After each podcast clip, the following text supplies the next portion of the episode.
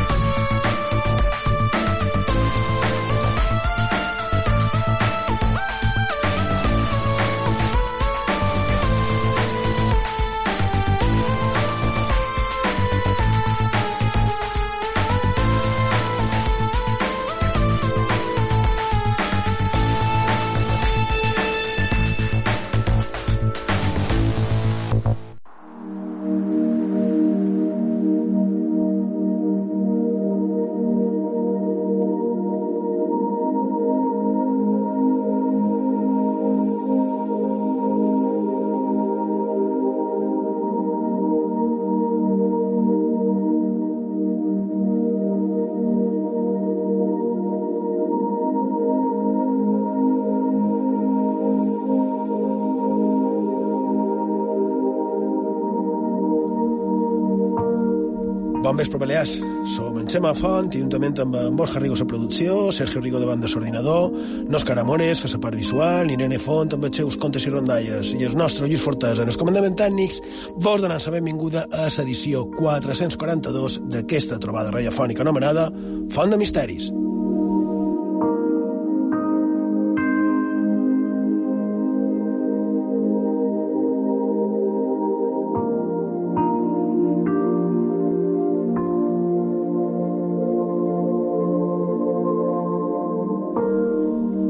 Bon vespre, Borja Rigó. Bon vespre. Sergio Rigo, bon vespre. Bon vespre, Xema. Jo crec que podem anar directament a, en aquesta edició dominical reduïda, podem anar a sumar directament i començam.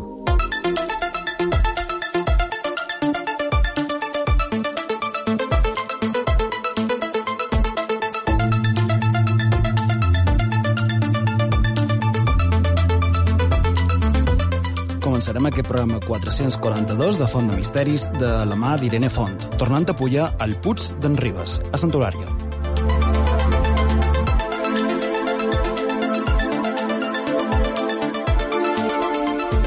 A més, viatjarem fins a l'antic Egipte per saber perquè algunes de les seves històries, llegendes i curiositats han agafat protagonisme darrerament. I, com sempre, recordam als oients que ens podeu enviar tot allò que vulgueu en els nostres mitjans de contacte. Ho podeu fer, com sempre, per WhatsApp i Telegram. El número de telèfon és 659 769 52. Ho repetim, 659 769 52. També per correu electrònic fontdemisteris arroba ib3radio.com fontdemisteris arroba ib3radio.com També mos podeu seguir a les xarxes socials. A Facebook i a Twitter ho podeu fer cercant Font de Misteris. També a Instagram, allà mos trobareu cercant Font de Misteris IB3. I si voleu podeu recuperar tots els nostres programes d'aquesta 11a temporada i de les anteriors. Ho podeu fer en el servei la carta d'IB3 Ràdio, a ib3radio.com, a les diferents plataformes de podcast i a la nostra plana web, fontdemisteris.com.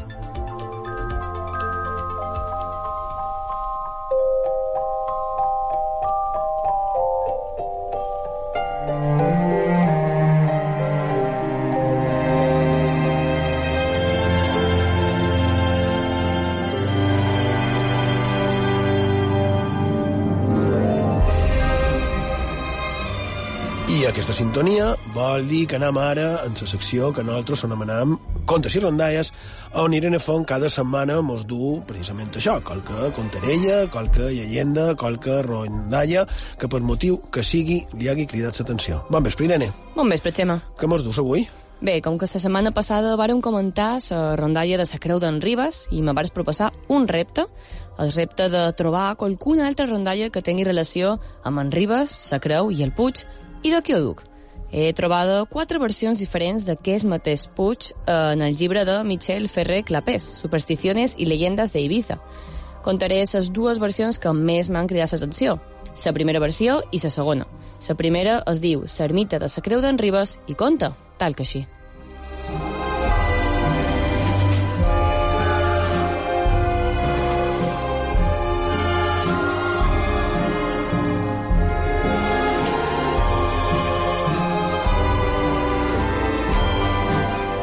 Bé, primer fa una petita contextualització i ens explica que aquesta ermita, protagonista de la rondalla, està situada al cim de la muntanya denominada precisament es Puig d'en Ribes, a Santa Eulàlia del Riu, a Eivissa.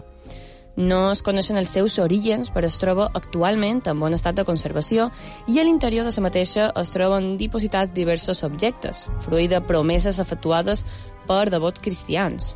No es coneix l'origen exacte de l'ermita i cal afegir que des de ja fa moltíssims anys primer a principis de maig i darrerament al mes de setembre acudien gran quantitat de persones en peregrinació i allà, a part de fer les seves pregàries, tenia lloc un popular menjar campestre. El 1978 es va voler reprendre aquesta tradició i es va tornar a celebrar aquest pelegrinatge amb gran èxit. I de la primera versió ens diu això.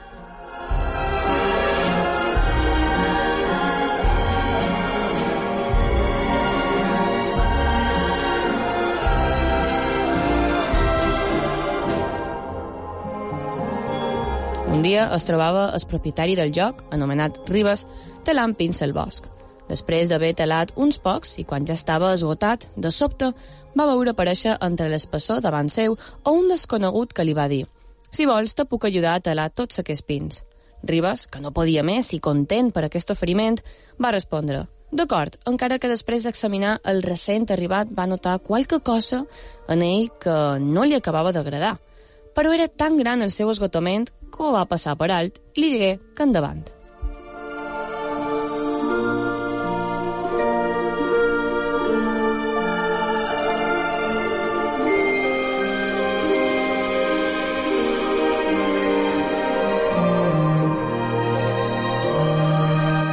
Va començar a talar els pins amb gran rapidesa i sense mostrar cap cansament. Tot això va començar a espantar en Ribes, perquè de cada pic més estava convençut de que allò era una aparició i després de reflexionar uns moments va pensar que jo no podia ser més que el diable que venia exclusivament per dur-se-lo a l'infern.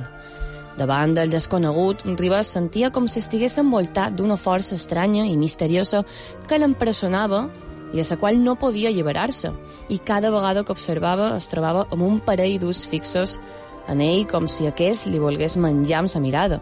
A mesura que passava el temps, aquell individu ja no li semblava ni tan sols una persona, però el que més li criava l'atenció era que mirar-ho o que es posava el suís en blanc totalment. La por d'en Ribes anava en augment.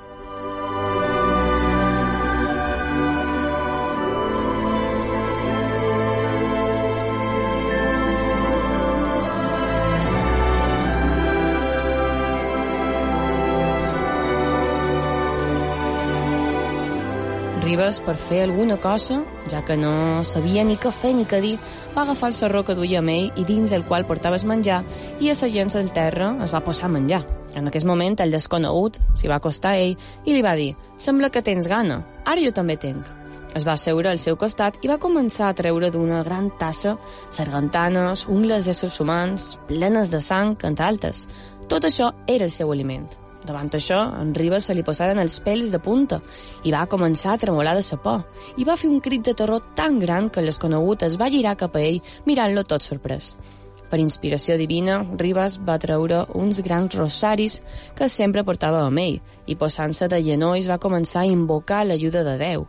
En aquest moment, el desconegut, com ja hem endivinat, no era altre que el mateix diable, i veient que havia estat descobert, es va perdre a l'espessor del bosc, sense deixar cap rastre.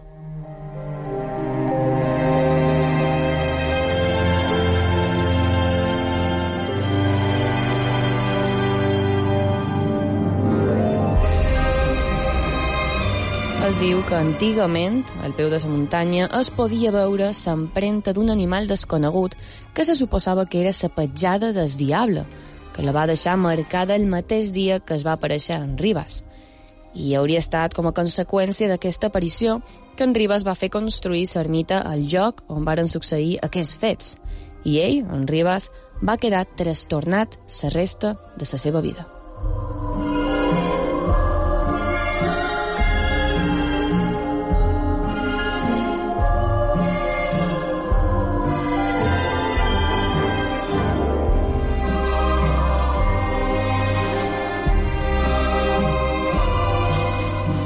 Tenim així una versió ben semblant a la de la setmana passada, però en aquesta, en lloc d'una creu, el que va deixar va ser una empremta de la del dimoni. I per altra banda tenim la segona versió, més grotesca, impactant, atroç, esgarrifosa. Ara ho comprovareu vosaltres mateixos.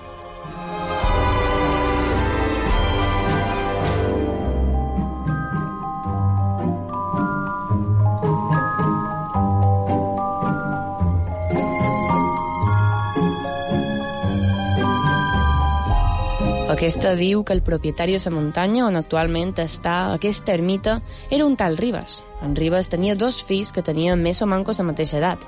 Un d'ells, el gran, molt treballador, i l'altre més aviat tirant a gàndol, i amant de la gresca i molt més atrevit. Un dia el pare va enviar els dos germans a talar pins al bosc.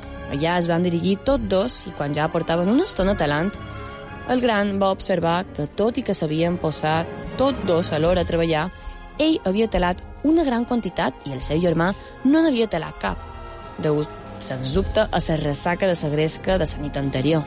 En veure això, el gran dels germans va cridar l'atenció al més petit, retrauent-li el seu nul treball, però que es va respondre de forma violenta i absurda, dient-li que només treballaven els ximples, i com ell no era, no pensava fer res en tot el dia.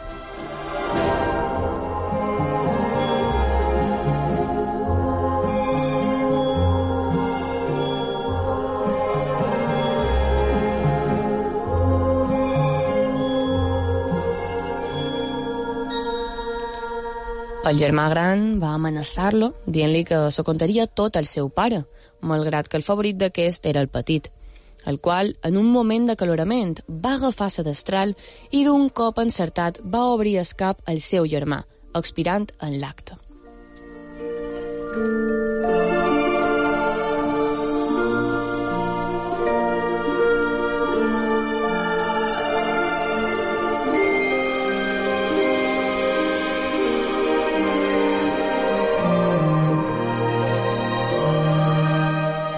Horroritzat del que havia fet, va baixar ben de pressa cap a Santa Eulàlia, lliurant-se al batle i confessant-se autor de la mort del seu germà. El pare, en rebre un cop tan dur, va caure malalt de forma tan greu que no es va refer mai. Però abans de morir va donar ordre que el mateix lloc on va caure assassinat i enterrat el seu fill fos construïda una ermita, que és la que avui es coneix com l'ermita de la Creu d'en Ribas.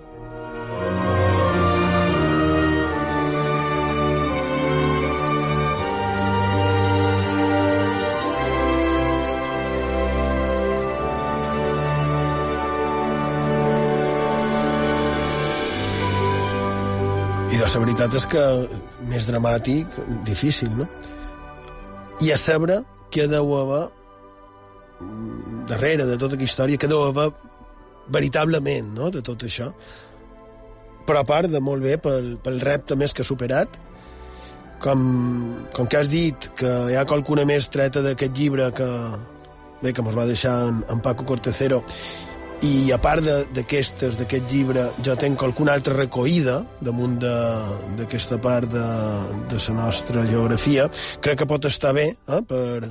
Quan, jo crec que quan estiguem més a prop de les festes de, de maig de Sant Eulari, jo crec que serà un bon moment seguir aprofundint dins, dins aquest joc mm, tan encisador no? com és com és es, es puy de, es puy d'en Ribas, vos sembla bé, Lots, que ho mm, cap a les festes de maig, dedicar-li una mena de monogràfic cap a la Puy d'en Ribes, eh? Home, per la, per la meva part sí, perquè ara han quedat dues històries del manco pendents i ara estic una mica, una mica intrigat. En aquest dos ha hagut un, un pot de barbària humana, que mai pot faltar, i un pot de dimoni, que tampoc pot faltar, i ara no sé què passaran les altres. I de, jo crec que com Irene tenia, saps dir, dues més, més una altra que, que, te, que tenim engordada per allà, jo crec que, que farem això, si te sembla bé. Sí, me pareix perfecte. I de quedam així. Moltes gràcies, Irene. Gràcies a tu, Xema, i fins la setmana que ve.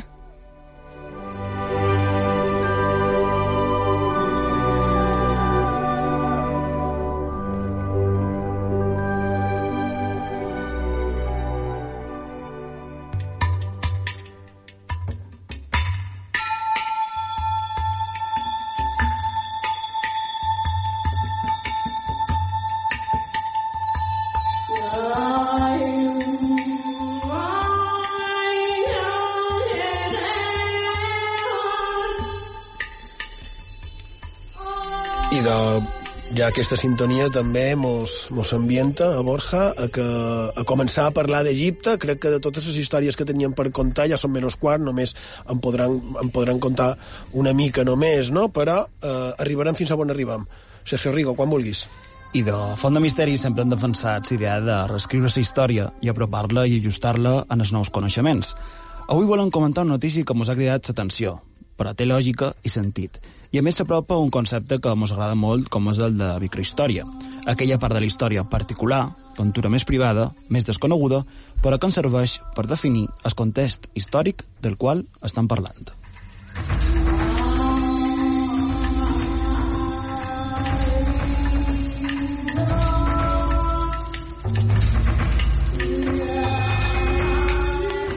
Entrem en matèria. Aquesta setmana al país coneixíem la següent notícia. Los museos británicos recomiendan que se evite decir momia y se utilice restos momificados.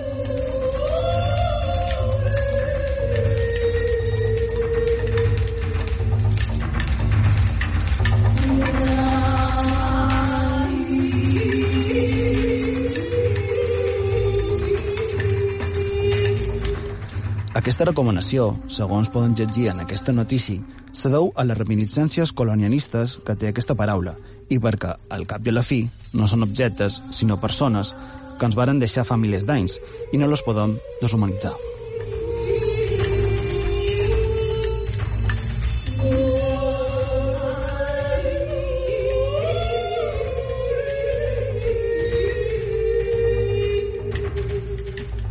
De referir-se a restes momificades, els museus britànics afegiran el nom d'aquestes restes momificades i si se coneix la seva biografia, per fer entendre al visitant això que dèiem, que davall d'aquelles venes hi ha una persona com a nosaltres.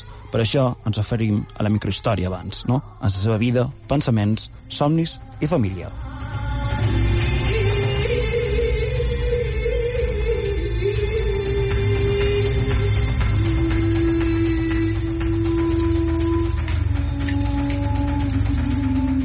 Aquest article també se refereix en el concepte i el sorgiment, per tant, del terme o el qualificatiu de mòmia, i ho atribueix a la literatura i al cine.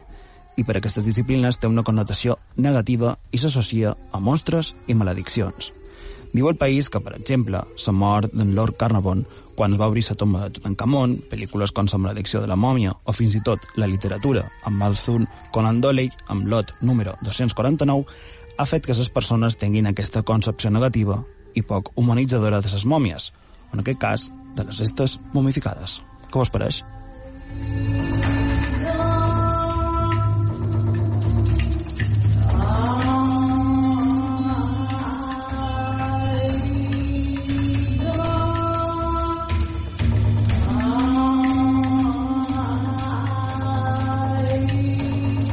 No, començ ja, Comença, comença. Començ ja. Uh, amem. Per jo, la major errada es relaciona, que és el que estan fent, crec, crec, des d'aquesta informació que mos has donada, es relaciona mòmia amb Egipte, directament. Com si altres bandes no n'hi hagués. Com, per exemple, les famoses i polèmiques eh, mm, mira, ja aquí varen parlar la setmana passada de, de Nazca, i de són ses de, ses de, de per la zona de l'actual Perú, no? A part també de que existeix el procés natural de momificació, perquè clar, si mos hem de posar exquisits, pues, tenim tot això, no? I després, tampoc li vull donar massa voltes, però fixeu-vos, la llei, i la decència també, obliga a pixelar, a difuminar el rostre de quan se fotografia una persona menor d'edat. Val? I clar, un es demana per què no es fa sempre?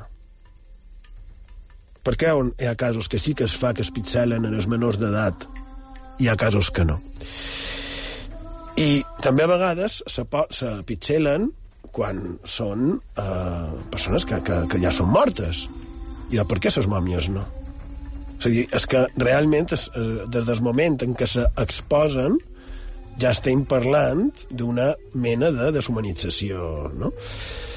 Però ja sé que tot això sona massa, massa absurd, però si mos estem posant en la falta de respecte, que crec, que crec que ho has dit més o manco així, um, també pens, i quan se fan les proves a les mòmies, els hi han demanat cap permís? per fer-li proves mèdiques, per despullar-les i després mostrar totes les fotografies, perquè, clar, no ho sé, crec que mos podrien sortir molt de dubtes. Jo no sé què penses tu, Borja Rigo. Jo, sincerament, m'escriuré a la teva opinió. No vull polemitzar damunt aquesta història perquè se podria fer. No, no estic gaire d'acord amb certes coses que, que s'han dit, lògicament però tampoc vull afegir gaire, gaire cosa. Jo crec que ens podem quedar amb el, lo fantàstiques que són les mòmies, no només les egípcies, com tu deies, parlaves de les de Nazca, anteriors.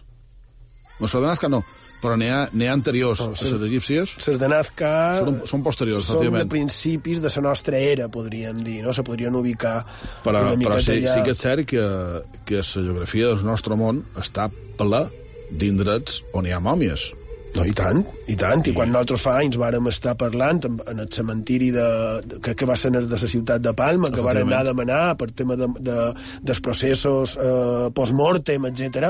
mos vàrem parlar de les momificacions naturals, no? I al cap i a la fi també són, són mòmies. Digues, I, I una altra cosa, també estic d'acord amb això que has, que has comentat de... Bé, no, no ho has dit, ho, ho, ho diré jo. Per què aquest article, aquesta informació, mm, diu directament que s'associa imatge de la mòmia a una cosa terrible, a un monstre. No sé, crec que és mirar molt... Bé... No, no sé, no, no, no li veig tampoc gaire, gaire sentit.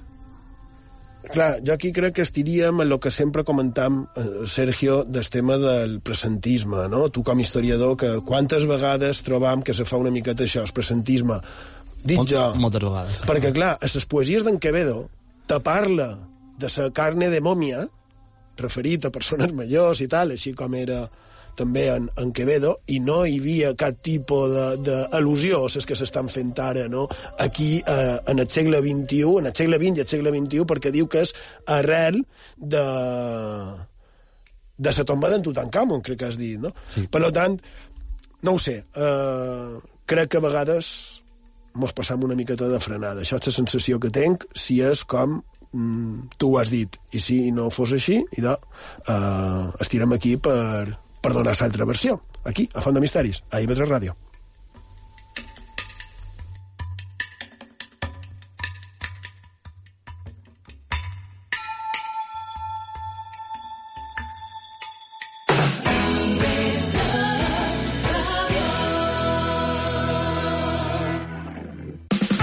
Dia, matiners. Primer vol a Formentera. Passa temps, Àlex. Bon de dilluns a divendres, de 6 a 7 del matí. Passa, tio. Clar, que tinc son. No pot ser, ah, en aquesta sí. hora no pot ser.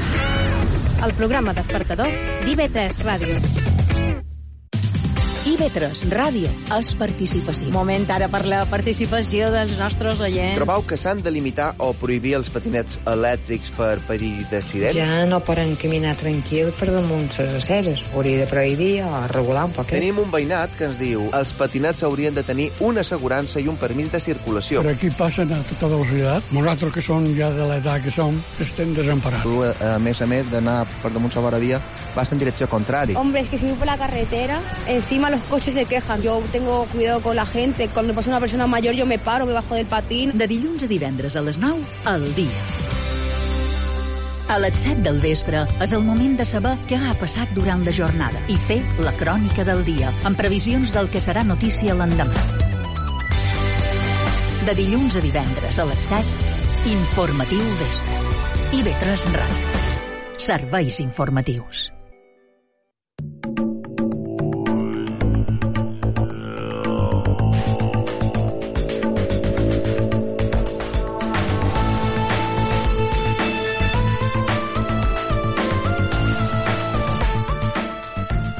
I hem arribat a la fi del programa d'avui. Esperem que hagueu passat una estona agradable i que hagueu pogut treure qualque cosa de profit d'aquesta font de misteris.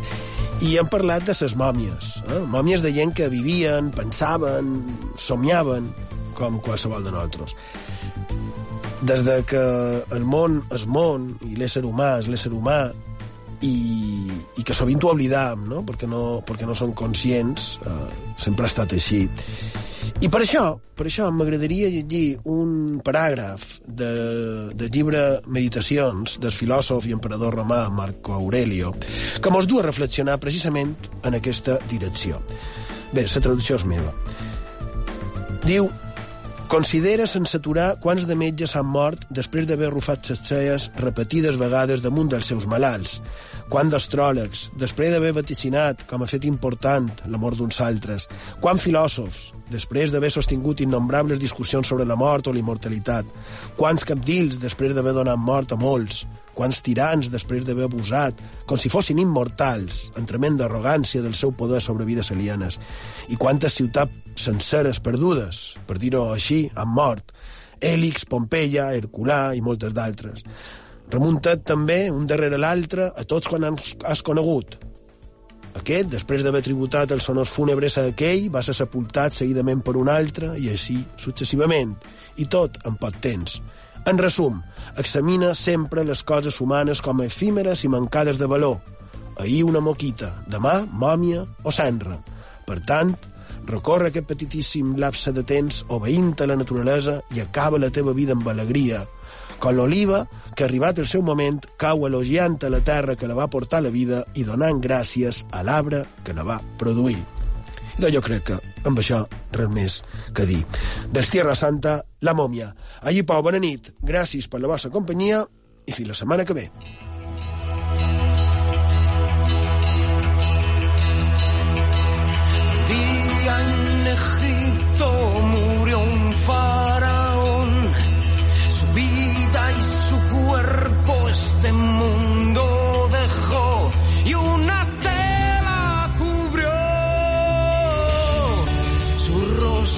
consagra.